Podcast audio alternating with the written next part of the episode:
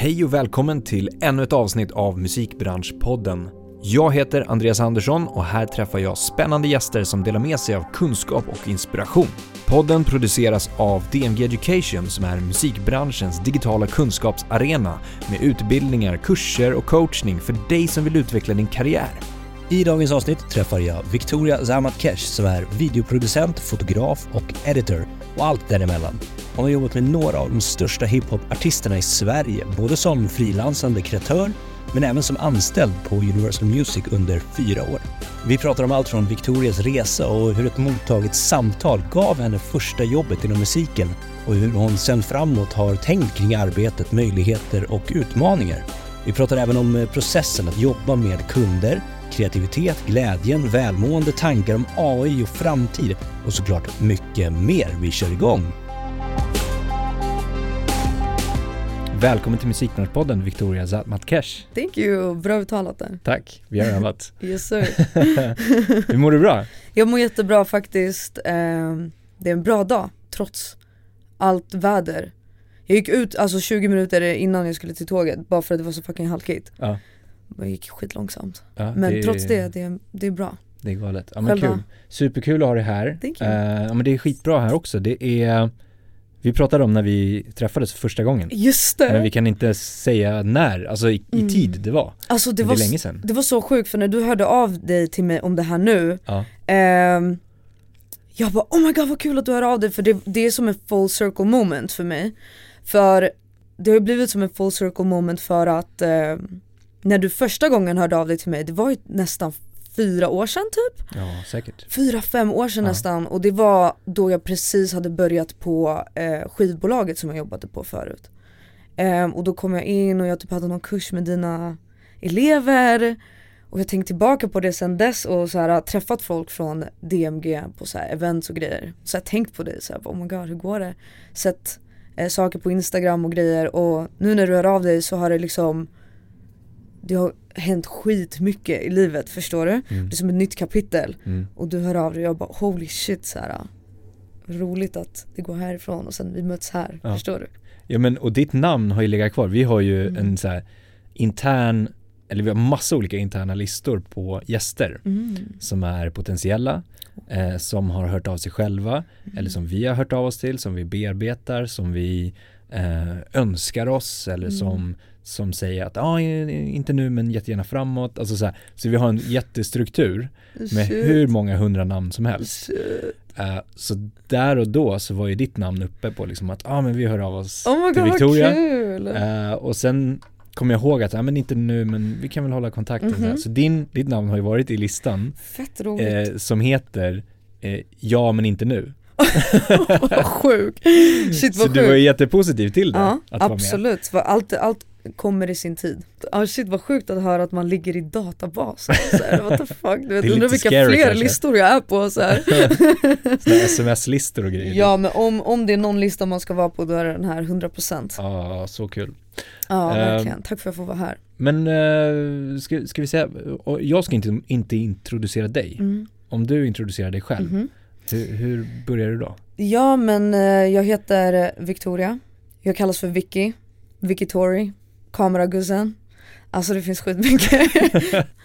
men eh, jag, eh, eh, jag är musikvideoproducent, eller videoproducent, jag är fotograf, jag är editor och allting däremellan. Mm. Alltså det är konstant konstant utveckling och lära sig nya saker liksom. Så det är svårt att säga en sak för man gör ju typ allt. Men du, kan du sammanfatta det med typ så skapare eller kreatör eller Ja, creator? alltså typ ett samtal, ett samlingsord är typ såhär content creator. Ja. Ehm, men den också har jag typ lite glidit ifrån. För content creator kan låta så jävla mycket att man skapar content för sociala medier men alltså egentligen är det typ det jag gör. Det är Mm. typ där verket syns som mest ändå så Mm, mm. man kan ju säga det. Mm. Ja, content creator. 100%. Och du pratade, du nämnde en term när vi snackade nu precis innan. Så här, när jag kom in Mm. i branschen, inom citationstecken. Ja. Hur, om vi backar bandet till typ då. Mm. Hur, hur definierade du att komma in i branschen? Vi pratade murar, vi pratade liksom Ja. gatekeeping och sådana saker. Just det. Eh, nej men alltså jag Alltså jag vill inte säga att jag hamnar här av en slump. För jag, jag tror starkt på att mycket är skrivet, förstår du? Och eh, jag har en stark tro på Gud liksom och jag vet att eh, jag blir vägledd eh, in i rum och i situationer och eh, på paths in my life där jag är menad att vara liksom. Eh, jag har aldrig drömt om att vara i musikbranschen eller i musikindustrin eller liksom jag har aldrig vetat om att den existerade på den här nivån som den finns. Ehm, men jag, det enda jag gjorde var att liksom göra det jag är bra på. Så jag gick liksom estetisk media linje i gymnasiet och var liksom om jag får säga det själv så här rätt grym där liksom och, och började fota och liksom komma in i hur allting funkar och direkt efter gymnasiet så um, gled det, så bara fortsatte jag lägga upp grejer på min instagram och då fotade jag fett mycket så street photography. Så jag liksom bara åkte runt i pendeltåg, eh, pendeltågslinjen och tunnelbanelinjerna och bara fotade människor och tåg och graffiti mm. liksom. Um, och jag älskade det, det var jättemycket så environmental stuff så här. Och jag la upp det på min instagram och sen en dag så kom det in en DM från en influencer och bara men hallå fotar du människor också? Typ. Mm. Och jag bara aldrig tänkt på det men fuck it vi kör, förstår du? Så fotade jag den influencern och, och sen bara exploderade det typ och folk bara började bara ey fota mig också, fota mig också Och sen um, en sak jag absolut måste nämna var ju mitt första samarbete med en artist och det var liksom med, eh, med ZE eh, Och då minns jag att jag fick ett samtal från ingenstans, jag bara typ chillade i så här Rotebro, det var en solig dag typ. Eh, Kläckte en Red Bull och tände en cigg och bara chillade typ. Så bara får jag ett samtal, så här, okänt nummer, bara what the fuck? Svarar på numret så bara tja det är Z.E's manager liksom. Jag bara what? Så här. Han bara kan din kamera filma? och jag, jag bara eh, ja, så här, ja 100% han bara vill göra musikvideo och Jag bara holy shit, så här, fett coolt typ Och jag bara absolut så Det var egentligen där, så det började, det var så jag kom in, förstår du? Mm. Och sen på vägen där kom det in människor jätterandomly, typ det var en granne till mig där jag, där jag bodde i Norrviken, fattar du? I Sollentuna. Min fucking granne bara råkar vara en av de största producenterna liksom. Eh, eller eh, skickligaste producenterna.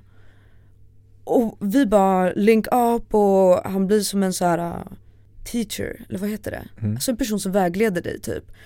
Och då insåg jag hur bred den här industrin var och hur mycket det är som finns. Och det var inte förrän jag en gång också randomly fick ett mail från Universal Music, eh, skivbolaget jag jobbade på. Och de alltså headhuntade mig och frågade om jag ville jobba där. Som jag bara, det finns skivbolag. Alltså va? Jag har aldrig tänkt på dem, jag har aldrig tänkt mm. så här records, jag, förstår du? Jag var aldrig den personen. Um, så då öppnades ju hela den världen för mig. Men, då, men då hade de, eh, alltså de i, som i Universal då, mm. sett det du hade gjort? Precis, och då var det en tjej som hade följt mig på Instagram. Mm. Ingen aning vem det var, såklart så lärde jag känna henne sen. Men hon hade följt mig och hon jobbade där och skulle sluta. Mm. Så då rekommenderade hon mig, vilket mm. också är sjukt att så här, rekommendera någon man inte känner. Verkligen. Utan bara baserat på någons verk på Instagram så här. Då är det ju sjukt bra verk. Tack. Alltså då är ju verkligen det du har skapat någonting sjukt, sjukt bra. Ja, fan kul. Eller alltså, hur? Ja, jag blir skitglad att du säger så för att alltså Jag verkligen, jag la bara upp för att jag tyckte att det var kul. Ja. Alltså jag tyckte det var roligt med sociala medier, jag tyckte det var kul, jag tyckte det var en bra plattform. Um, att lägga upp saker på och det är också sjukt när jag kollar tillbaka hur mitt användande, användande av sociala medier har ändrats. Det är så mycket strategier nu, det är så mycket eh, tänk bakom vad man lägger upp och hur man lägger upp och vad ska, vad ska vara första bilden och vad ska vara sista bilden. Vilken tid ska man lägga upp? Um, vilken caption ska man ha? Ska man lägga in pengar bakom inläggen? Alltså det var inte så förut. Är det jobbigt att göra det nu tycker du? Alltså jag skulle inte säga att det, det är jobbigt. Det är fortfarande, jag brinner ju för det. Jag, ja. tycker, jag tycker det är lika, lika kul med, jag gillar ju strategier och sånt som kommer in i det här yrket liksom. Uh, så jag har definitivt anpassat mig. Men det kan ju bli uh, överväldigande, 100%. Um, kan, ibland så tänker jag ju tillbaka också och bara men alltså när det blir för mycket, fattar du? Mm. Bara, om jag tycker om det här, då lägger jag ut det, fattar du? Mm. Så att det blir Var det så från början också? det var bara det från början. Det var så här, jag tycker om det här, det passar in i feedet, jag tycker det är Mm. kul. Och, alltså det var ingen som kollade på de grejerna, fattar nej, du? Nej. Tills folk började kolla. Först, fattar du Men jag tänker så här, det måste ju finnas någon form av så här, nivå av, mm, hur ska man sammanfatta det? Kvalitet Mm. i det du la ut då också Mm. och såklart nu. Ja. Hur, hur skulle du sammanfatta att du har lärt dig att komma upp till en sån nivå? För det kan ju finnas, jag vet ju själv när jag spelade i band eller harvade, vi la ut grejer tyckte vi var världens bästa men det var ju inte bra. Nej men alltså jag fattar det helt, alltså när jag scrollar tillbaka på min instagram nu Så jag blir så här: what the fuck du vet Jag bara hur tänkte jag här med den här editen? Eller så här, ofta folk likade det här, det var så här jättekeffa edits och Men var det ganska så här out there eller var det liksom, var det försiktigt? Alltså så här redigerat eller var, var det något som stack ut som Nej, jag- gjorde att du Jag var bara, alltså när jag kollar tillbaka nu med den expertisen jag har nu Mm. och nivån jag är på nu Det är klart när jag kollar tillbaka på mina verk så är det så här: what the fuck jag har blivit så mycket bättre Mm. Jag skulle inte klippt idag som jag gjorde för 6-7 år sedan, förstår du? Så det är mest det som blir så här, va? Du vet om jag la upp något eh, som, eh, som jag gjorde för 7 år sedan nu Det hade ju inte gått, det är ju jätteamatörnivå, förstår du vad jag menar? Mm. Men på den tiden, alltså Jag tror inte det var så många som Alltså gjorde det på samma sätt, alltså det är jättesvår analys faktiskt varför just de sakerna gick bra eller varför de syntes. Mm. Eller så är det någonting jag missar, förstår du? Mm. Ehm, jag tror jag var bara väldigt bold och bara Jag bara la ut det jag gillade och jag tror det så här, med- ske- sken igenom. Mm. Ja, att bara såhär, men hon är typ skön. Tror Du jag. pratade eh, Rotebro by the way. Ja, Ja, jag kommer från Rotebro. är det sant? Nej, stick härifrån. Jo, jag bodde där och gick i skolan när jag var yngre. Det räcker, va? Det där är hoods, alltså the Jajamän. hoods Vart Norrviken. var du någonstans när du fick, alltså, kommer du ihåg det? Ja bror, alltså vänta. Alltså det telefonsamtalet. Eh, jag var det blir ju sjukt internt nu för den som lyssnar. Exakt, de som vet, de vet. Eh, jag var ju bara Rotebro handelsplats, du vet där eh, Ja, Willys var, det fanns ju en Donken där förut också. Ja. Eh, bara där, handelsplatsen. Ja. Chilla utanför en bänk, kläckte en Red Bull och bara Förstår du? Bara, det som hette OBS förut en gång i tiden, det är innan du växte upp också. Alltså det innan det blev handelsplats så Hette hette det ett, ett så här stort köpcenter som hette OBS. Eh, som fanns på olika så platser. shit. Side note, vi Ja, går vidare. Exakt. Du, eh, om man tänker efter på, om man backar lite igen då, har du alltid vägletts av eh, det du liksom brinner för på något sätt? Alltså har du tagit de besluten att ja, men, tacka ja till till exempel då ZE, Mhm. eh, jobbet, Mm. Universal, att sen nu eh, frilansa, eh, jobbförfrågningar som kommer in. Hur har du navigerat och, och liksom tagit beslut om ja, jag kör, Ja. nej, jag kör inte? Yes. Det är en jättebra fråga. Det är mycket magkänsla. Mm. Lika mycket som jag har tackat ja till saker har jag också tackat nej till saker. Mm. Tacka nej till saker är väldigt nytt för mig. Det är någonting jag gör faktiskt väldigt mycket nu när jag frilansar. Där är det lite mer viktigt att, sål, alltså, att sålla ut liksom ehm, vilka projekt och requests kommer ta mig framåt och vilka projekt och requests är så här passion projects, Mm. förstår du? Och vilka projekt och sånt är det någonting jag inte alls gynnas av längre. När man är ny, vilket jag, alltså när Universal kom, ZE och allting. Jag hade ingenting i, i, i bagaget förutom liksom min gymnasiala utbildning och eh, mina egna initiativ eh, till foto och grejer som jag gjorde då när jag fotade street och grejer. Um, så då tackade jag ju ja till jättemycket för att allt var nytt. Det är så, oh my god, ja det är klart jag vill göra en musikvideo till, till ZE, det har jag aldrig gjort förut. Det är klart jag tackade ja till ett eh, jobb på ett skivbolag för det har jag aldrig gjort förut, vad fan är det för något, förstår du? Jag eh, inspireras väldigt mycket av det okända och vad, vad är det här, vad kan det vara, vad kan det leda till? Så ja, det är ju passionen som har drivit en dit och nyfikenheten definitivt. Mm. Att vad kan hända här liksom? Mm. Låt oss testa, låt oss se vad som händer. Mm. Ja, så definitivt. Men allt som har kommit in har ju varit eh, in lane with my passion, förstår du? Ja. Så det, det är klart. ja, för det kan ju finnas också så här, du nämnde jättebra utvärderingsmetoder att så här, men det här går i linje med vad jag vill göra, det här är passion projects, det Mhm. här är, går i linje med att utveckla min, min business Mhm. till exempel, det här är finansiellt bra, det här är eh, så. Absolut. Vissa kan ju också vara energidränerande Ja, ja. eh, och att man vill tacka nej till det. ja. Även om det ger en liksom, ekonomisk uppsida Absolut. så kan det vara så här, oh, det här Shit. vet jag att det här kommer ta liksom min energi Absolut. och, och sluka den till att jag inte kommer orka göra Ork- någonting annat kanske. Exakt. Och det är alltid, förlåt att jag Nej, avbröt, men det är alltid, vet du jag insåg det nu för jag har bara eh, drivit eget i ett år nu. Ja, Ehm, och jag är inne nu i februari, den 22 feb- februari 222. Då startar mitt andra år som egenföretagare. Och under det året som har varit nu har jag lärt mig att de mest dränerande projekten har ju varit de som man gör för para. De som man gör för pengar. Bara för pengar, det är såhär, åh abo det här är fett välbetalt men mm. du vet det finns ingen alltså, kreat- kreativ gnista här eller kunden vet inte, alltså det finns så många faktorer som kan göra det till så ett okreativt projekt men det betalar bra. Alltid de som är draining. Och det är också då man inte uppskattar pengarna på samma sätt. nej. Jättesjukt att säga. Men att tänka i banor om att de skulle kunna finansiera eller möjliggöra andra projekt också. Att så 100%. här, ser man ett, det är väl ofta så med typ så här stress, eh, till exempel att vi, vi är byggda att kunna tåla en viss nivå av stress Mm. under en viss tid så länge vi kan ja, men på något sätt hantera den men också veta när det är slut. Och säga att man applicerar samma tänk på att ja, men det här är projektet, jag vet att det här kommer vara skitjobbigt, det ger skitbra betalt, Ja. men jag vet, det kommer ta slut enligt avtal Ja. efter fyra veckor. till. Yes. Okej, jag ner med huvudet, jag kör det här, Ja. för det möjliggör att jag kan göra mina passion projects till Absolut. exempel.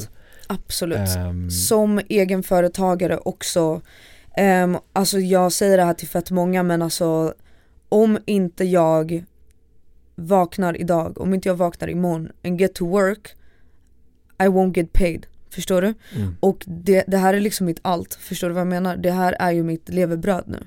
Och vill jag ha det så då får, då får man ju, man får brösta lite saker, 100% Men det är också det som härdar en. Allt kommer inte vara svinkul, förstår du?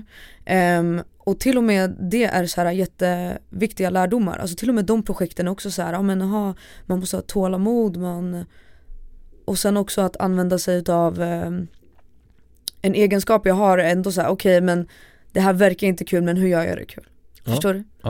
bra okej. inställning. Ja exakt, man får ju typ se det lite så. Mm. Och eh, när man kommer in med den energin då är saker inte så jobbigt längre ändå. Förstår du vad jag menar? Ja, exakt. Sen eh, dränerande och dränerande, något jag är dålig på är att så här, lägga undan tid till återhämtning. Förstår du? Det är någonting jag ska fokusera på jättemycket under 2024. Att lägga undan tid för att vila, förstår du? Mm. För saker är draining i den här branschen och saker är tio gånger tuffare när man eh, jobbar för sig själv. Ehm, och inte vet om man kommer alltså klara det, förstår du? Mm. På, på lång sikt. Mm. I alla fall när man är ny, jag är ny företagare också förstår du. Bara hållit på ett år. Det är saker som dyker upp nu, alltså mycket nya situationer som dyker upp hela tiden. Som jag aldrig varit med om. Mm. Ehm, och att eh, jag tror det är jätteviktigt att vila och bara samla huvudet för 2023, fan jag körde och nu så kom januari och jag bara Oh my god. Mm.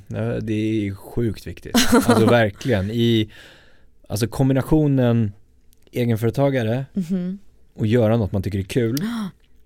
Alltså då kan du, då kan du verkligen liksom kötta på. Ja exakt, men och då också behöver du struktur för att liksom, okej, nu är det paus. Exakt, det, ska, det var en eh, vän som sa till mig um, häromdagen faktiskt, hon bara att vila ska inte vara en, en lyx. Återhämtning ska inte vara en lyx, Mm. förstår du? Mm. Det ska inte vara lyxigt att få vila. Nej. Det ska liksom vara en del av, av livet, det ska Ja, vara normalt att få liksom. göra det, fattar Ja, du? Ehm, och jag tror det, ja, det kommer få en att kunna pusha vidare och göra saker ännu bättre liksom, Mm. oavsett vad det är. I ditt arbete också, om man går in på det, du behöver ju vara ganska kreativ. Mm. och är man helt slutkörd, man har jobbat många timmar, jag vet ju själv att jag är inte särskilt kreativ. Mm. Jag, jag, jag kommer ju till liksom en nivå av att, här, men fan, det tar stopp. Jag kan, jag kan, jag kan gå på och göra det här automatiskt om det behövs. Mm. Men jag är inte kreativ och komma på helt nya idéer och Mm. skapa vidare på det när jag är liksom drained, eller vad man ska säga. Tell me about it alltså. Och du måste ju ha samma, just att föda kreativitet i projekt, komma med idéer, Mhm. pitcha. Eh, och då behöver det ju vara liksom Ja, on top man vad man måste ska vara- säga. Exakt, man måste vara på topp. Ja. Alltså de bästa idéerna föds ju helt randomly, Mm. förstår du? Det är verkligen så här man typ är, jätte, man är jättebekväm i, hemma hos någon polare typ och bara chillar och har det bra och bara snackar någon så här business snack eller idéer, det är där saker föds. Alltså, jätt, alltså bra originala idéer liksom. Mm. Och det är ju bekväma miljöer där man är öppen för energi och också har en, ener- en bra och ren energi som flödar ut ur den också. Mm. Och den har man inte riktigt när man är utmattad. För det har ju varit också. Det har ju varit 100%. Eh, när jag jobbade på skivbolaget förut så var jag, var jag sjukskriven i, till och från i typ ett år.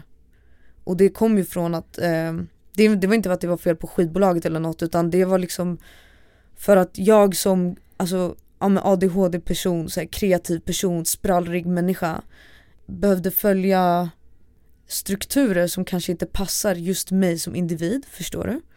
Och det är så här, det är svårt att glida in på ehm, ett kontorsjobb klockan nio på morgonen och komma på kreativa saker. Mm. När jag är den som är uppe till fyra på morgonen och det är där min prime time är, förstår Mm. du? Och, men det är nice nu ändå, det, var- det var en jävligt bra tid. Jag lärde mig så jävla mycket. Och nu när jag jobbar själv, då får jag vara, ingen kan säga till mig du får inte vara vaken till sju på morgonen, förstår Nej, du? Och nej. redigera eller hitta på saker. Men det är också en helt annan disciplin som kommer in i det, förstår du? Exakt. Ehm, för det kanske inte är jättenyttigt hela tiden. Men Fast du- ingen kan säga till mig någonting förstår du, för om det funkar, det funkar. Fattar du? Ja, absolut. Men det blir verkligen så att jag, jag vaknar så här, ja men åtta på kvällen, eh, typ mina, mina klienter som jag jobbar med, de har gått hem för dagen. Så vaknar jag till massa mail, jobbar på natten, schedule alla e-mails till på morgonen och sen så loopar det sådär, fattar du? Så är allt fucking stängt på natten också, så du vet det är inget gym, det är inget, förstår du hur jag menar? Att det Mm. blir, sen också med det här vädret, du vet jag vaknar i natt och somnar i natt, förstår du? Mm. Det är lite så.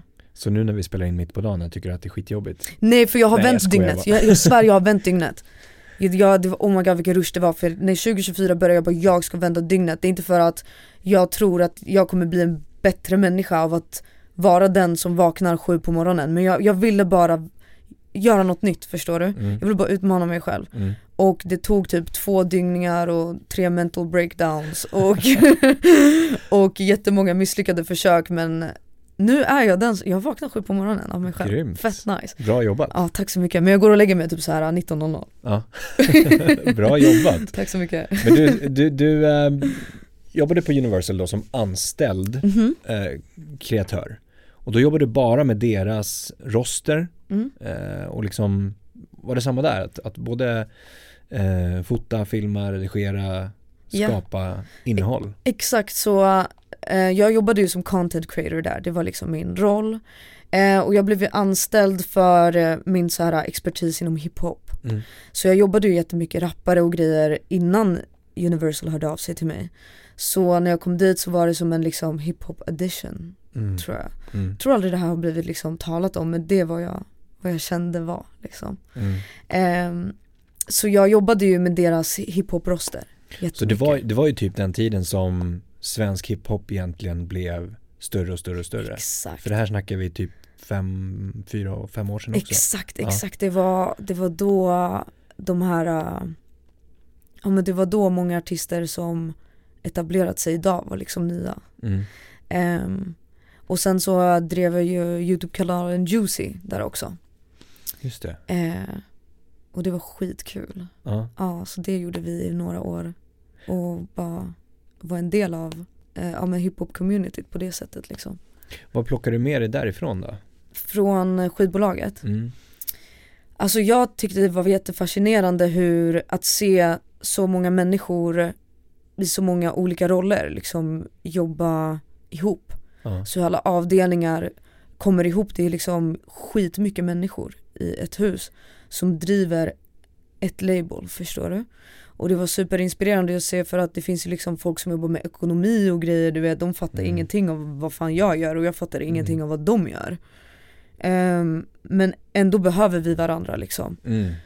Så det var superinspirerande och absolut jag någonting jag tar med mig ut nu i min, i min eh, när jag driver eget liksom, eventuellt när man eh, uppgraderar sig kommer jag säkert behöva, du vet nu jag har ju mina revisorer och grejer, förstår du? Och de för, behöver förstå mig så som jag förstår, förstår dem så att vi kan driva alltså, verksamheten ihop. Mm. Ehm, och sen jag tar med mig mycket disciplin därifrån också. Jag blev superinspirerad av alla människor där som ehm, men var morgonmänniskor och kan liksom glida in där um, fem dagar i veckan och liksom slakta sitt jobb och vara liksom skitgrymma och att jobba i, i team. um, det är någonting man tänker man borde vara bra på som så här regissör och uh, videoproducent. um, det är mycket jobba i team liksom att du vet jag kanske, jag kanske regisserar då behöver jag hålla koll på personen som filmar, hålla koll på personen som eh, håller på med ljus ehm, samtidigt kanske vara projektledare och såna här saker. Ehm, så det var, det, var, det var jävligt nice att, att lära sig mer om lagarbete liksom. Mm. Mm. Men man fick också jobba mycket individuellt. Så mycket sånt faktiskt.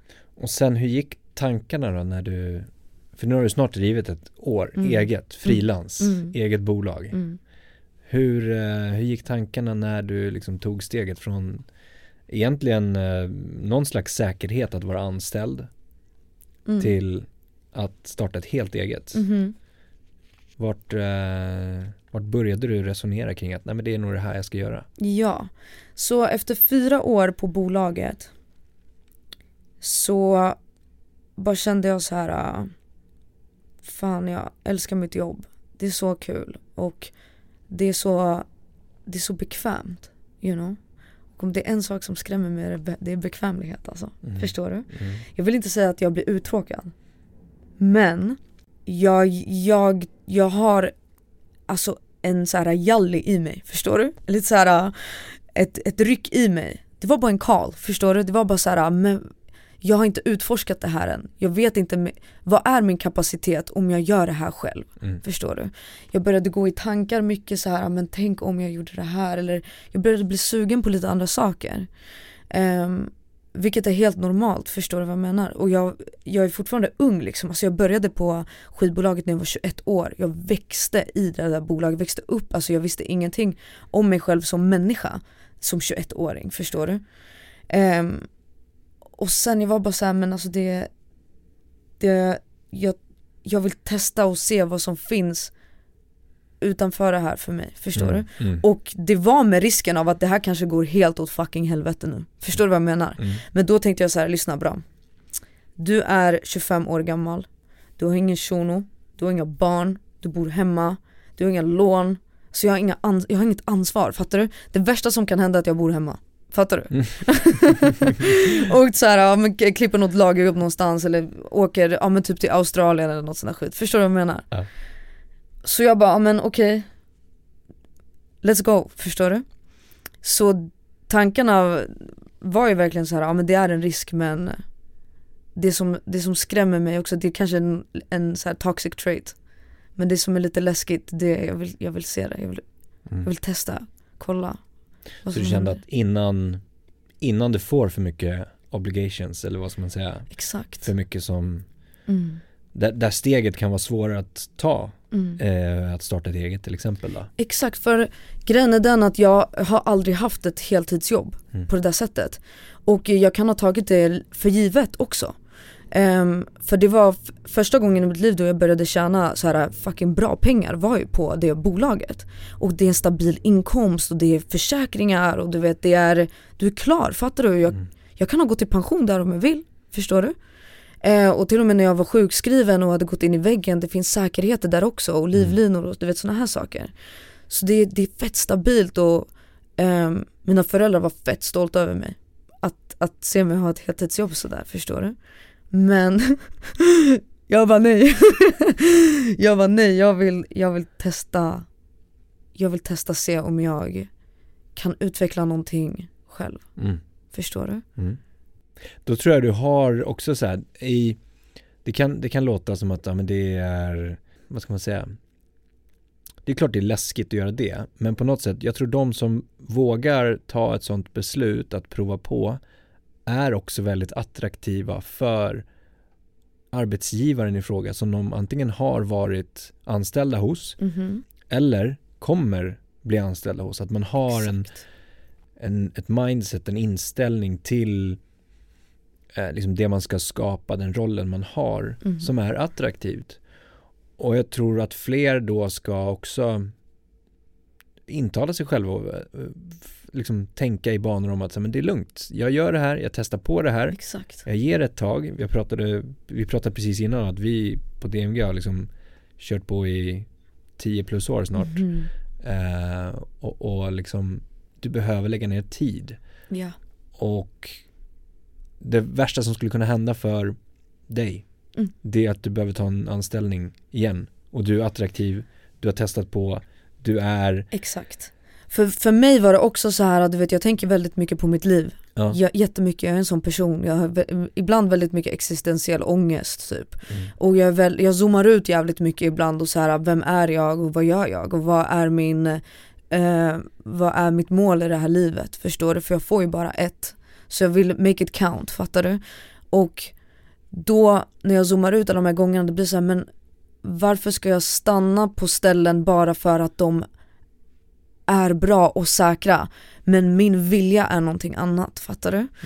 Ehm, och vet du, sanningen, nu när jag slutade också, ehm, de första månaderna, alltså förra januari framåt i typ några månader så gick det jävligt bra, fakturerade rätt okej, förstår du, det dök upp jävligt mycket jobb så här helt utan att jag, jag tänkte på det. Och sen så kom det en månad där, bror det kom ingenting. Ja, Alltså jag bara holy shit, det här kanske, det här kanske, det här är mi- månaden jag kanske misslyckas. ja, Det här är månaden, du vet, den här rädslan blir på riktigt, att det här kanske inte funkar.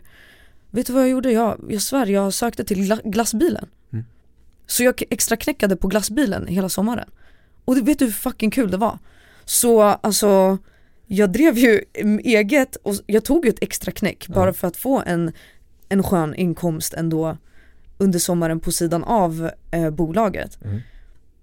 Alltså hur bra som helst så du vet man får ju lösa saker as, I, as you go. mm. Alltså det var svinkul också, shoutout till glassbilen fattar du bara så här.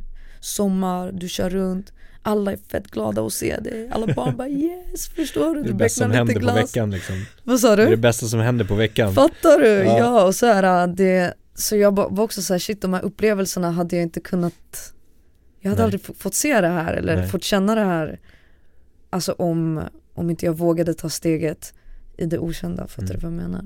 Men helt, alltså 100% jag har ju själv när jag startade mitt, min första enskilda Mm. firma också när jag var 22, 23 kanske Ehm, jag extra knäckte ju överallt Mm. Alltså jag körde taxi eh, och, och drog in pengar därifrån för att jag visste att de pengarna jag drog in från jobbet skulle vi lägga på att, ja men okej, det här kostar att utveckla en hemsida kostar så här mycket, Mhm. bra, då går det dit, pang. Eh, vi ska, måste köpa in den här produkten, pang, det går det dit. Eh, vad fick jag för att betala in hyran? Eller för att liksom livnära mig? Ja men jag fick ta ett extra jobb. Och ehm, den inställningen, an, du kan ha två vägar, antingen gör du de två vägarna att du, du, du har den inställningen, du, du kan tänka dig att ta ett extra jobb. Mhm. Eh, det är för att kunna ha en långsiktighet i det. Eller så hoppar du helt och hållet. Men hoppar du helt och hållet så har du oftast någon slags eh, press på dig där också kan din motivation kan ta slut. Kan jag Exakt. uppleva. Exakt. Att har du den pressen när du hoppar på en gång Ja. då tar motivationen slut för att du har den pressen hela tiden och då Yes. blir det inte lika kul. Då drivs du inte av Exakt. passionen. Exakt, och vet du det är så jävla bra att du säger det för att sanningen, ehm, jag upplevde att det var ett väldigt fåtal personer som sa till mig, men de var så här chockade typ. De bara, bruh, du gick från att jobba på det här jätteprestigefyllda jobbet på skivbolaget till att köra glassbil. Mannen vad gör du? Förstår du?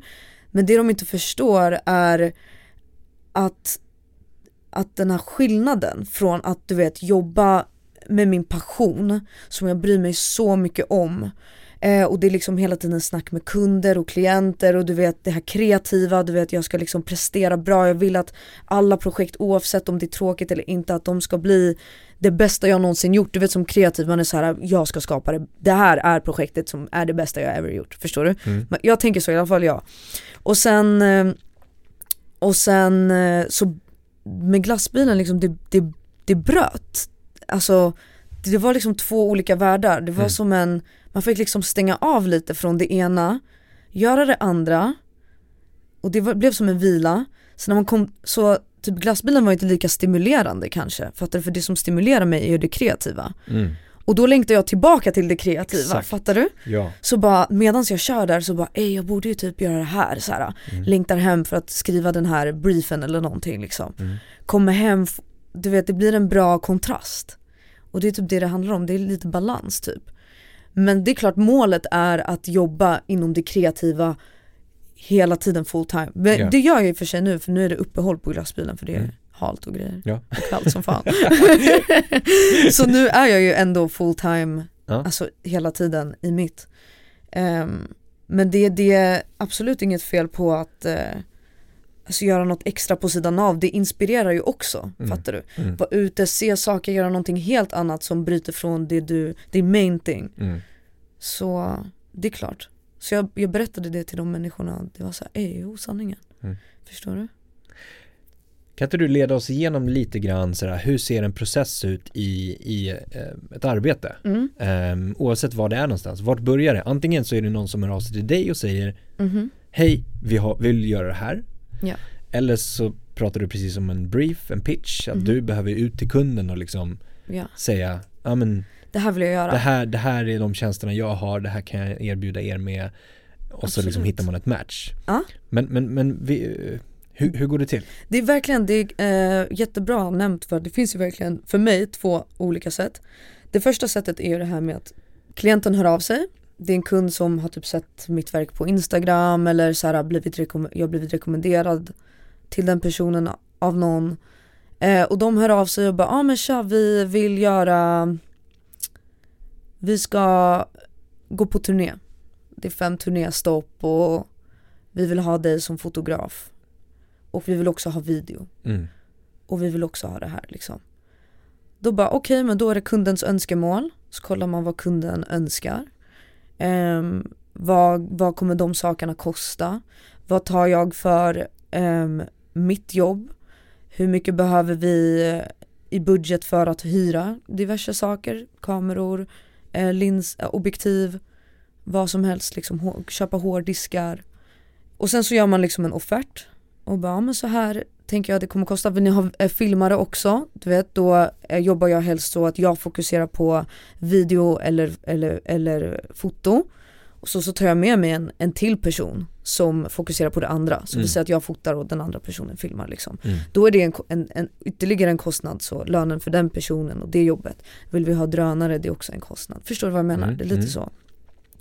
Så kommer man tillbaka till, med en offert liksom och de bara, ja men det här blir bra eller det blir inte bra, diskuterar man där. Och sen så utför man jobbet helt enkelt utifrån det. Mm. Um, eller vi svar, svarar jag på din fråga nu? Helt ah, rätt. Okej, okay, ja. ja, så det är ett sätt. Men sen så finns det ju de här passion projectsen vi pratar om liksom. Mm. Uh, och det är saker som kommer från mig, typ så här, abo det skulle vara fett coolt och typ åka på en resa med fem stycken andra fotografer till något land och bara skapa massa content till våra egna sociala kanaler. Där det inte finns några riktlinjer eller begränsningar eller där, det inte, där kunden är vi själva, förstår du? Mm. Och då går det egentligen till på samma sätt, men vad, vad, vilka ska vi ha med oss? Um, vad vill jag få ut för content, varför, förstår du? Mm. Um, och då, då gör man det för sig själv eller så pitchar man in det till så här varumärken typ så här, ja men om jag ändå ska åka på en resa och jag behöver en, en bil. Jag hör, jag hör av mig till något bilmärke, förstår du? Bara så här, kan ni sponsra mig med den här bilen? För jag kommer ändå ha den, förstår du vad jag menar? Mm, mm. Så man bara gör massa marketing för det. Så det finns eh, väldigt många olika sätt alltså, att göra saker på. Mm. Förstår du? Ja. Sen då, nästa, om, du, om vi fortsätter med, med ehm, eh, första exemplet, Mhm. alltså där du blir kontaktad av en kund och du sätter ihop en offert. Hur involverad är du i så här, det kreativa sen? Mhm. Eh, filmvinklar, hur, Yes. hur mycket frihet får du, hur mycket vill artisten säga till om, management, bokningsbolag, skivbolag.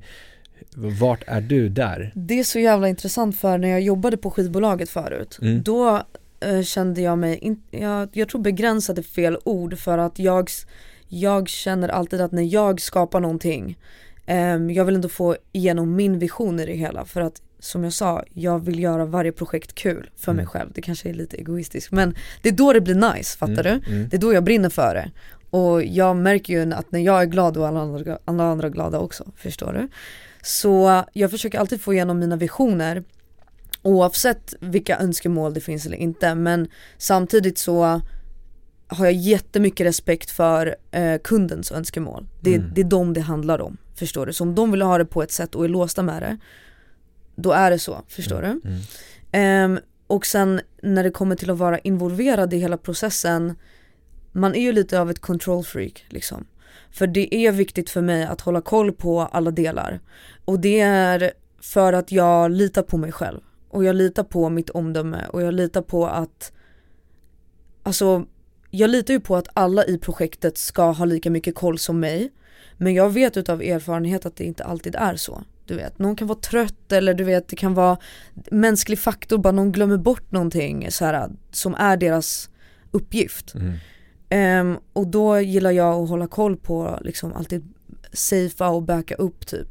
Så låt oss säga att jag bara ska typ, jag ska bara, jag ska bara filma en grej.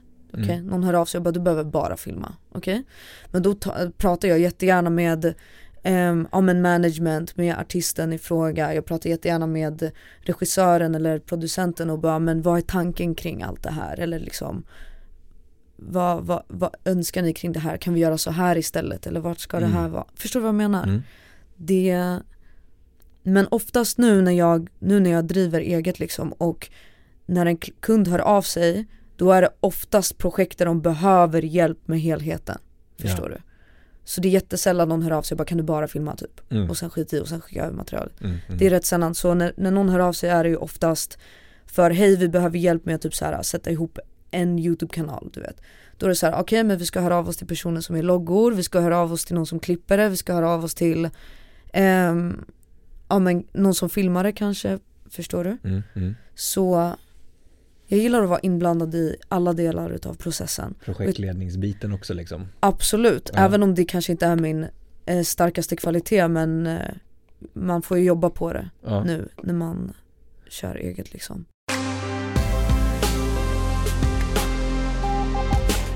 Finns det några projekt som du känner, eller som, som eh, nå- några speciella projekt eller samarbeten som har varit så extra minnesvärda oavsett om det har gått bra eller dåligt eller eh, där du känner att så här, åh, det här kommer jag aldrig glömma, det här kommer jag alltid ha med mig. Mm. Alltså jag har ju jag har börjat jobba med en otroligt grym kvinnlig artist. Hon heter Almea. Och jag har jobbat med så mycket män i, i branschen, alltså mycket alltså hiphop på den så här manliga sidan. Förstår du? Det finns ju jättemycket kvinnliga eh, hiphopartister också. Men jag har på något sätt lyckats jobba med jättemycket män. Mm. Och vilket är otroligt. Jag älskar grabbar, alltså jättegrymma, alla är så himla grymma och kreativa på samma sätt som kvinnor är.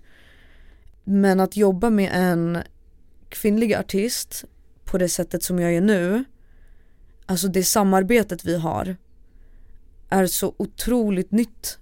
En ny upplevelse för mig i form av hur vår kreativitet flödar mellan varandra. Så vi klickar inte bara som eh, filmare och artist, förstår du? Mm. Det, vi kl- klickar inte bara på en proffsig nivå utan vi har också klickat som vänner. Och det har gjort att vår konst har elevatat så mycket mer. För jag känner henne och hon känner mig. och det ger en hel till, eh, det ger det depth, förstår du? För när jag kommer på en idé så är det för att det är utifrån hur hon är. Mm. Så jag tar ut hennes bästa sidor och hon tar ut mina bästa sidor. Och det flyter ihop så himla fint. Ehm, så alla de projekten jag gör med Almea, nu har vi gjort ehm, väldigt mycket så här kreativa eh, assets liksom. Det är så här minimusikvideos typ. Mm. Pressbilder och allting kring släpp. Vi har gjort några sådana nu. Den senaste var Lilla jag som släpptes typ för förra fredagen. Ehm, och jag är så stolt över de sakerna, inte för att de ser så snygga ut bara. Alltså det, jag är jättestolt över de verken, hur de ser ut visuellt och allting. Men också när jag tänker på de sakerna är det också så här jättemysigt minne Mm. av hur kul vi hade när vi gjorde det och hur vi planerade allt från start. Och jag kan kolla tillbaka på våra Pinterest boards som vi gjorde och det var bara en idé. Och så jämför jag Pinterest boarden med det vi har lyckats göra och det är så holy shit du vet. Vi tog det verkligen från ingenting till en verklighet som är ute där nu och folk får perceive it, förstår du? Mm. Så allt jag gör med henne är verkligen otroligt och jag är så stolt över det. Coolt. Finns det exempel på när det har varit kämpigt Mm. re, rent liksom kreativt för din del att säga, men den här, jag får ingenting tillbaka av artisten eller managern, jag, jag Mm. får liksom ingenting. Utan du, där du känner dig liksom själv i att komma på. Absolut, alltså det har hänt jättemånga gånger. Och det är, alltså vet du, det är typ en vana, alltså jag har inte reflekterat över det som att det är så här shit vad jobbigt det här är att ingen är med mig i det här. För att i slutet av dagen så är det ett jobb som jag har tackat ja till. Och det jag är bättre på att göra nu är att förstå att så här jag kan inte förvänta mig att de som eh, hör av sig om att, ja men vill jag ha typ en video eller det här, de kan, alla är inte in, lika, alla är inte lika passionerade om att skapa de sakerna. De har hört av sig till mig för att de vet att jag är grym på det jag gör Mm. och de vill ha ett, ett klart, en, en produkt. Det är det de gör, de köper ju en produkt. Och de vill ha den klar och då får man bara leverera och man får jobba med det man har. Så det är klart det har funnits projekt man inte har känt lika mycket lika mycket, så man har inte fått lika, alltså lika mycket hjälp från Nej. artisten på vägen. För det finns jättemånga artister som inte vet vad de vill ha. Mm. De kommer, de bara tja jag vill ha pressbilder typ. Man bara okej, vad, vad, vad, vad, tän- är det, vad är det för låt? Eller så här, vad tänker du typ? Ja. Alltså jag har ingen aning. ja. Jag behöver bara pressbilderna typ, för att mitt skivbolag vill ha pressbilder så jag behöver dem. Okej, men då får man bara, ja, men får, låt mig lyssna på låten, man skickar lite förslag, Mm. det, man kommer alltid hitta någonting som personen gillar liksom. Ja, Men just det där, så här, referens, ge mig någonting. Ah, Alltså, exakt. ge mig referens, vad tycker du är bra? Även om Mm. det inte ska vara exakt likadant. Ge mig någonting att, att gå på. Ska jag det vara svär, liksom... vissa vet inte. Nej. Och jag får, har bara fått acceptera det att folk är superkreativa i musiken. Mm. Men det är det de är, de är artister, de är bra på sin musik. Mm. Men det visuella, jag kan inte förvänta mig att folk är bra på det, förstår Mm. du? Ehm, så då får man ju bara vara den personen som bara okej men jag hjälper, okej låt mig hjälpa dig. Du hjälper att guida. Ja jag hjälper och guida så då skickar jag liksom fyra, fem olika förslag. Vad tror du om det här? Hade det här passat? Ja. Hade det här passat? Exakt. Och det kanske tar ett, två, tre, fyra, fem försök men man Mm. kommer alltid landa i någonting. Mm. Värsta fall bror man kör bara vit bakgrund. Så. Mm. Mm. Alltså det kommer aldrig gå fel med en vit studio liksom. Nej, nej. Ja. Lite olika ljussättning, Ja. och färg eller svartvitt Ja, eller förstår så här. du. Ja, ja. Ja, 100% så det är bara Finns alltid en backup liksom. Exakt, Ja. det svåra dock för mig, alltså om vi ska prata om typ svårigheter Saker jag är mindre stolt över Mm. Det är bara helt min egna pres- prestation i saker Mhm. Alltså jag eh, har ju ADHD Och det är jättesvårt att fokusera ibland Jag är sprallrig, alltså i mitt huvud Och disciplin är ett ord som jag verkligen fokuserar på det här året liksom. Disciplin är superviktigt Um, Och att inte svika sig själv, förstår du?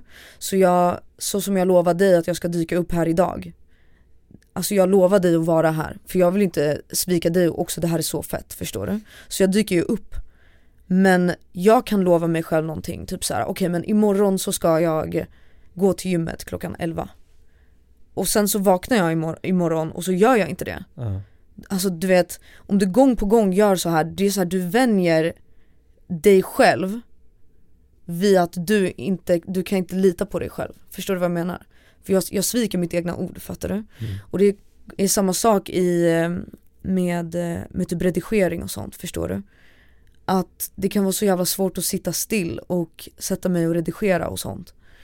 Och det har hänt, eh, det har hänt att jag känner att jag inte har presterat eh, så som jag hade velat. Förstår du? När det kommer till mitt egna arbete liksom. Jag, kan, jag, jag känner att jag kanske, du vet jag gick hela vägen, jag gick till steg 10 men jag fuckade upp i steg 8 eh, och kanske skickade inte in grejen i tid Mm. för att jag var distraherad eller någonting hände eller du vet det var någon personlig matter eller något. Och då stannade jag där i steg 8. Jag gick hela vägen, jag lyckades. Men jag stannade i steg 8, förstår du? Rent bara- mentalt. Rent mentalt, Mm. exakt. Och Mm. bara, men jag fuckade upp i steg 8 så jag är bara en steg 8, fattar du?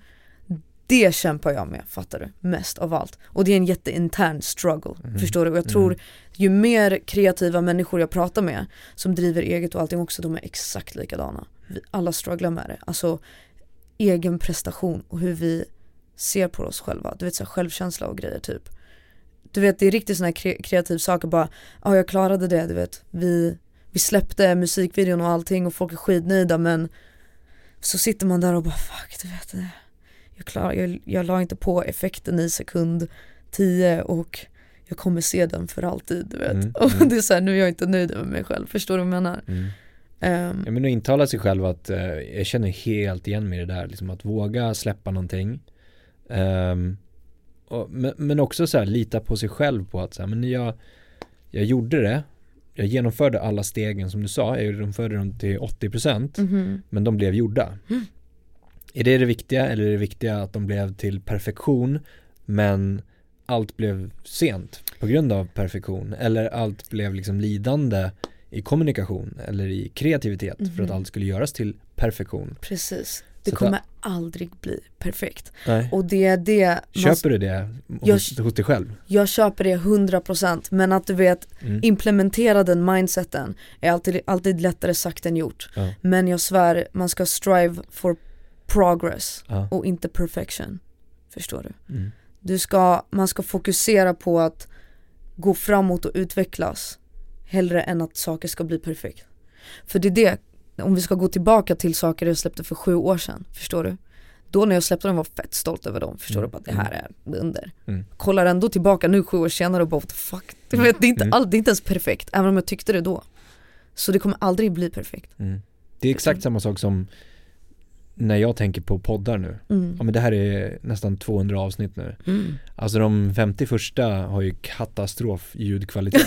alltså det, det, är ett det är ljudformat, det Mm. bör ju vara bra. Mhm. Jag, jag finns ingen bortförklaring. Men vi fick det att hända. Vi släppte det, vi fick ut det, vi fick Exakt. gästen, vi pratade om in, alltså innehållet i sig Yes. är bra. Ja. Eh, det har gett värde för andra. Ja men då intalar vi oss att ja, men det var det viktiga. Exakt. Inte ljudkvaliteten. Sen kan man ju börja tänka på att ja, men vi hade kunnat göra det till perfektion och bababa. Precis samma sätt nu. Om jag sitter och kollar på kameran som filmar här till exempel. Mhm. Jag har, sitter och tittar på ljudbilden som skapas av vårt samtal här. Ja, den skulle kunna bli helt kanonperfekt också. Mhm. Men eh, om den skulle göra det så skulle vi inte kunna släppa ett avsnitt varannan vecka. Nej. Då kanske vi skulle kunna släppa ett avsnitt varje månad. Yes. Och då skulle vi inte ha släppt 200, då skulle vi ha släppt 100. Och så, ja. Ja, exakt. ehm, Och vet du hur många saker jag tror inte får se the light of the day Mm. på grund av perfektion? exakt. Alltså det är så mycket, det är till och med saker jag sitter på Mm. än idag. Från typ så här ett år sedan, någon typ så här ja men vlogg jag filmade som jag sa oh my god nu ska jag vlogga den här resan och det är så här, det kommer bli så kul. Så släpper alltså jag har inte släppt det eller ens kollat på det för att jag är så här, nej men det blev inte bra. Mm, Förstår mm, Mm.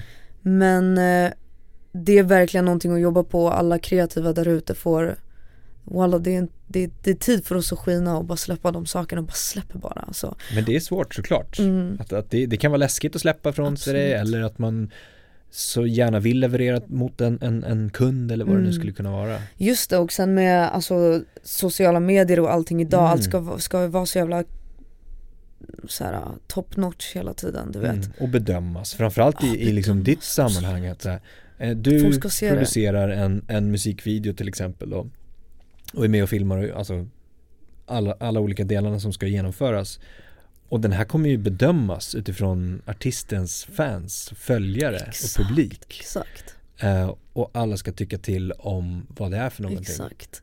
Som tur är, jag kan säga till dig, jag har kommit upp på den nivån nu att det sämsta jag gör är så här uh, good level shit, förstår det du? är fortfarande sjukt bra.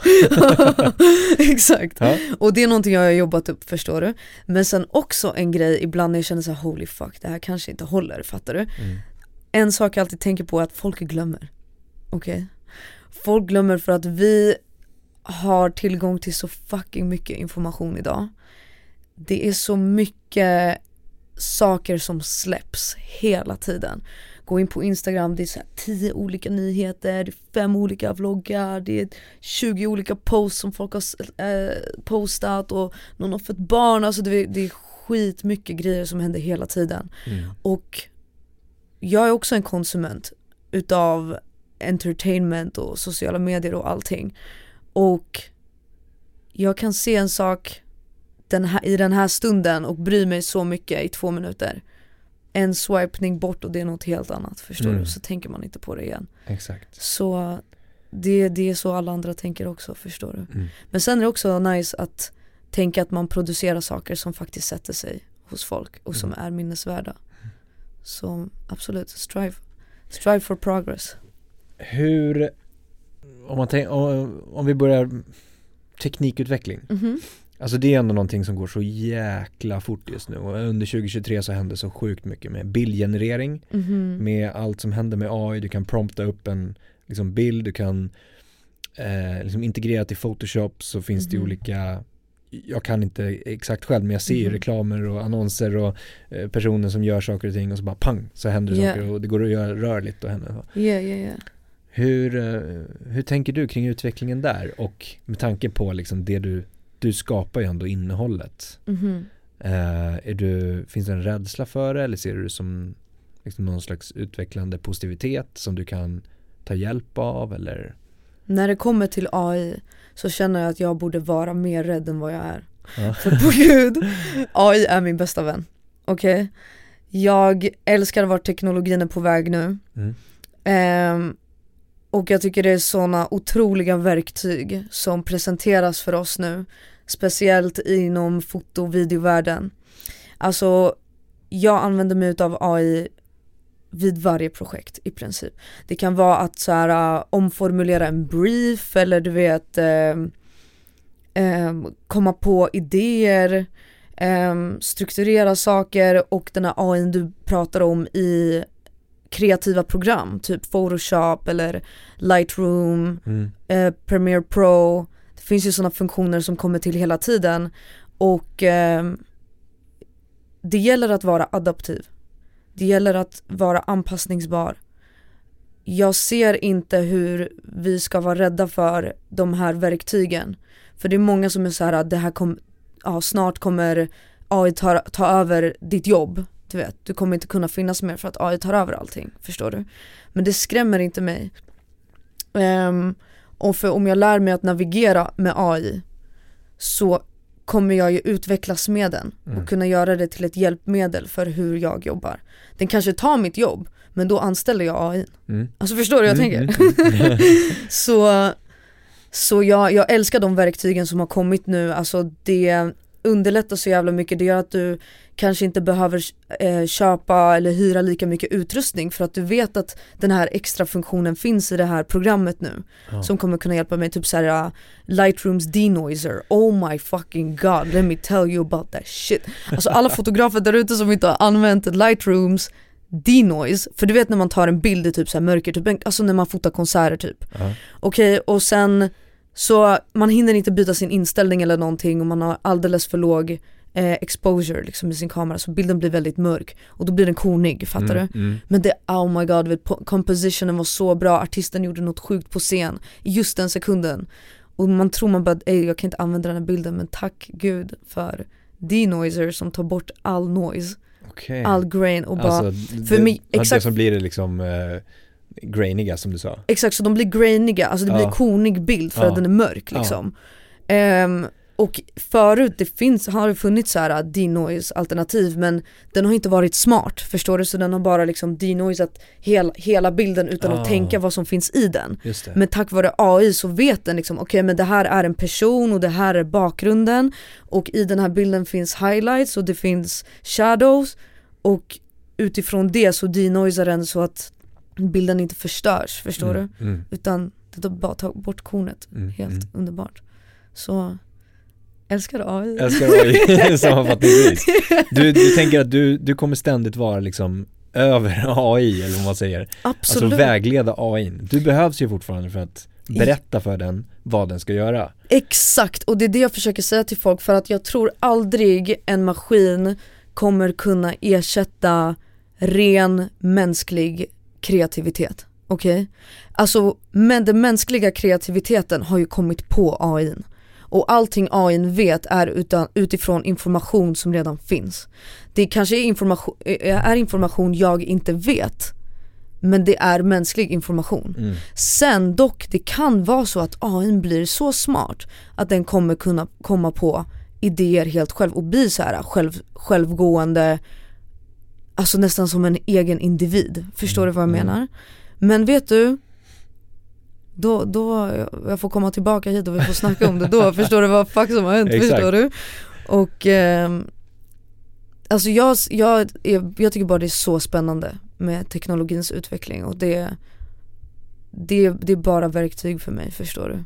Jag tänker så här, det skulle säkert kunna gå som du säger att, att ehm, ja men säg att en AI framöver jobbar med en artists visuella uttryck och ska ta fram video och bild Mhm. och all input är liksom inmatad sedan tidigare, vad artisten gjort förut. Den analyserar all data utifrån följare, fans, lyssnare, allt liksom finns på något sätt då. Mhm. Deras preferenser i sin tur och nästa lager, deras, eh, liksom vad de har tittat på, andra artister och så vidare och så vidare. Och så genererar den innehållet för kommande omslag eller kommande musikvideo. Ehm, men då är det baserat på någonting. Frågan är om det kan baseras på en känsla om framtiden. Mhm, Alltså att mhm, den kan, är du med? Att, att för din del mhm. skulle ju du kunna ta med, alltså du tar in input från vad är trendigt idag? Eh, eh, hur funkar den här tekniken? Vad vill vi förmedla för känsla? Hur är artistens, liksom, vad är artistens eh, varumärke? Exakt. Vad vill den förmedla? Och sen kan du lägga på ett lager om framtid Ja. på något sätt. Att säga, jag tror att det här skulle kunna vara nice. Jag tycker vi ska prova det här, det här, det här, det här kanske. Mhm, mhm. Vilket är, alltså då skapar den ju någonting nytt. Ja, Eh, där känns det ju som att du och mänskliga touchen behöver finnas ganska länge till. det är det för vi måste ju kunna avgöra att produkten som AI skapar är korrekt och Ja. är bra. Mm. För det den kan, vi kan ju mata in den med saker och den kommer ge dig en produkt utifrån det du har matat in. Mm. Men sen så kommer ju mänskliga faktorn in igen med, med att avgöra så här: okej men är, är det här magkänsla bra? För Exakt. har AI magkänsla? Nej, Mm. förstår du? Den, det är det, den, just nu den kan bara utgå utifrån data Mm. som finns och data som vi matar in i den, förstår du? Alltså utan oss så finns den inte just nu, Nej. förstår du? Jag tror att det är helt rätt. Än så länge. Ja, än så den länge. kanske skapar magkänsla. Exakt, men det är det jag menar, vi vet ju inte alltså, Men när den gör det, fett nice, man, jag, jag hade älskat att prata med en AI som är en individ Och bara ey lyssna du är en data, alltså lär mig någonting förstår du? Undrar om man kommer leva, undrar om jag kommer leva under den livs, alltså den, den tidsperioden när man pratar på det sättet. Det är det Det är, Alltså för ja. jag, jag pratade med en polare häromdagen och jag, blir, jag var, alltså på riktigt så jag bara men alltså om AI blir individer, förstår du? Och Ja. de har ege, egna tankar och kommer på egna idéer och är som en, en människa med magkänsla och allting eh, Alltså då får de också bidra till samhället och fucking betala skatt alltså Förstår du vad jag menar? Ja. Då måste, då måste de också skaffa jobb och grabbarna, förstår du vad jag menar? Så oavsett så kommer vi ändå behöva typ lägga in dem i samhället på något sätt. Om inte det blir en så här riktig filmgrej, du vet att AI bara men nu vi är självtänkande och grejer och vi vill inte vara med i ert samhälle så vi Exakt. kommer förstöra den, förstår du? Japp. Men då får det bli så, för det, Då behöver vi inga omslag eller videos ändå. Nej exakt, och har ingen något jobb. Visst- Deppigt det lät att avsluta på det sättet ja jag. exakt. Men du, ehm, vad, vad, vad, du pratade om att prioritera liksom, eh, ja men lite välmående inriktning under 2024. Mhm. Eller så här, um, du ska ta pauser, du ska, du ska ha kul, du ska, alltså så. Mm. Vad, vad, har du något konkret som du ser fram emot? Oh. Jag ser fram emot Jag har inga förväntningar på det här året, förstår du?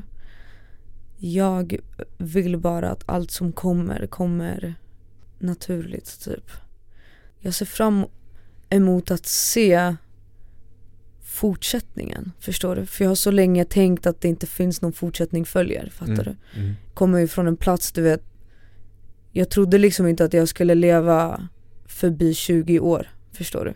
Det bara var en grej, jag bara tänkte inte att jag skulle komma så långt Och det är lite mörkt yani men sen så fortsatte det bara Och efter 25 så var det så här, ey this shit, det fortsätter, fattar du? Och någonstans så är det mitt ansvar också att eh, uppskatta det som comes my way och göra det bästa utav det för jag vill, jag vill att mitt liv ska vara meningsfullt. Och det kommer ju vara meningsfullt om jag uppskattar allting i det liksom. Och eh, allt med familj och vänner du vet. Med Människor som tror på mig du vet. Jag vill inte svika dem. Så det är mycket större än mig själv nu. Fattar du? Det har blivit mycket större än mig själv. Förut var det liksom så, ja men jag vill lyckas för att jag vill kunna känna att jag betyder någonting. Mm. Men nu är det verkligen så här. äh, Det handlar inte bara om mig själv längre. Jag vill se andra stolta också, jag vill kunna bidra till deras välmående och allting också. Så jag tror om jag tar mina pauser och jag reflekterar över mig själv, hur jag är som människa och vad jag ger ut i världen. ehm, så kommer jag samtidigt ja, men kunna göra dem runt om, eh, skapa en bra plats för dem runt omkring mig. Och ja, men skapa en plats där det finns utrymme för att få vara sig själv och som är inbjudande för andra människor och inspirerande för andra människor liksom. Mm. Så det är typ det jag vill, jag vill se 2024 göra. Och sen också, jag ska åka till Thailand i mars. Bra tillägg. Så, ja exakt, och det är fett nice. Ja. Ja men grymt. Eh, jättestort tack för eh, Yes. trevligt snack Victoria. Tack så jättemycket. Jag är så tacksam att få vara här. Tack själv för att du ville komma. Thank you. Jättestort tack för att du har lyssnat på podden idag. Det uppskattas verkligen. Kom ihåg att följa, stjärnmarkera, gilla, dela, kommentera för att hjälpa till att sprida kunskapen i musikbranschen. Vi vill också jättegärna höra från dig. Vilka utmaningar står du inför? Vad tycker du är svårt? Vad tycker du är lätt? Vad vill du höra? Vad vill du veta? Vad vill du lära dig? Hör av dig till oss på info at dmgeducation.se. Tack för idag och ha en fortsatt härlig dag.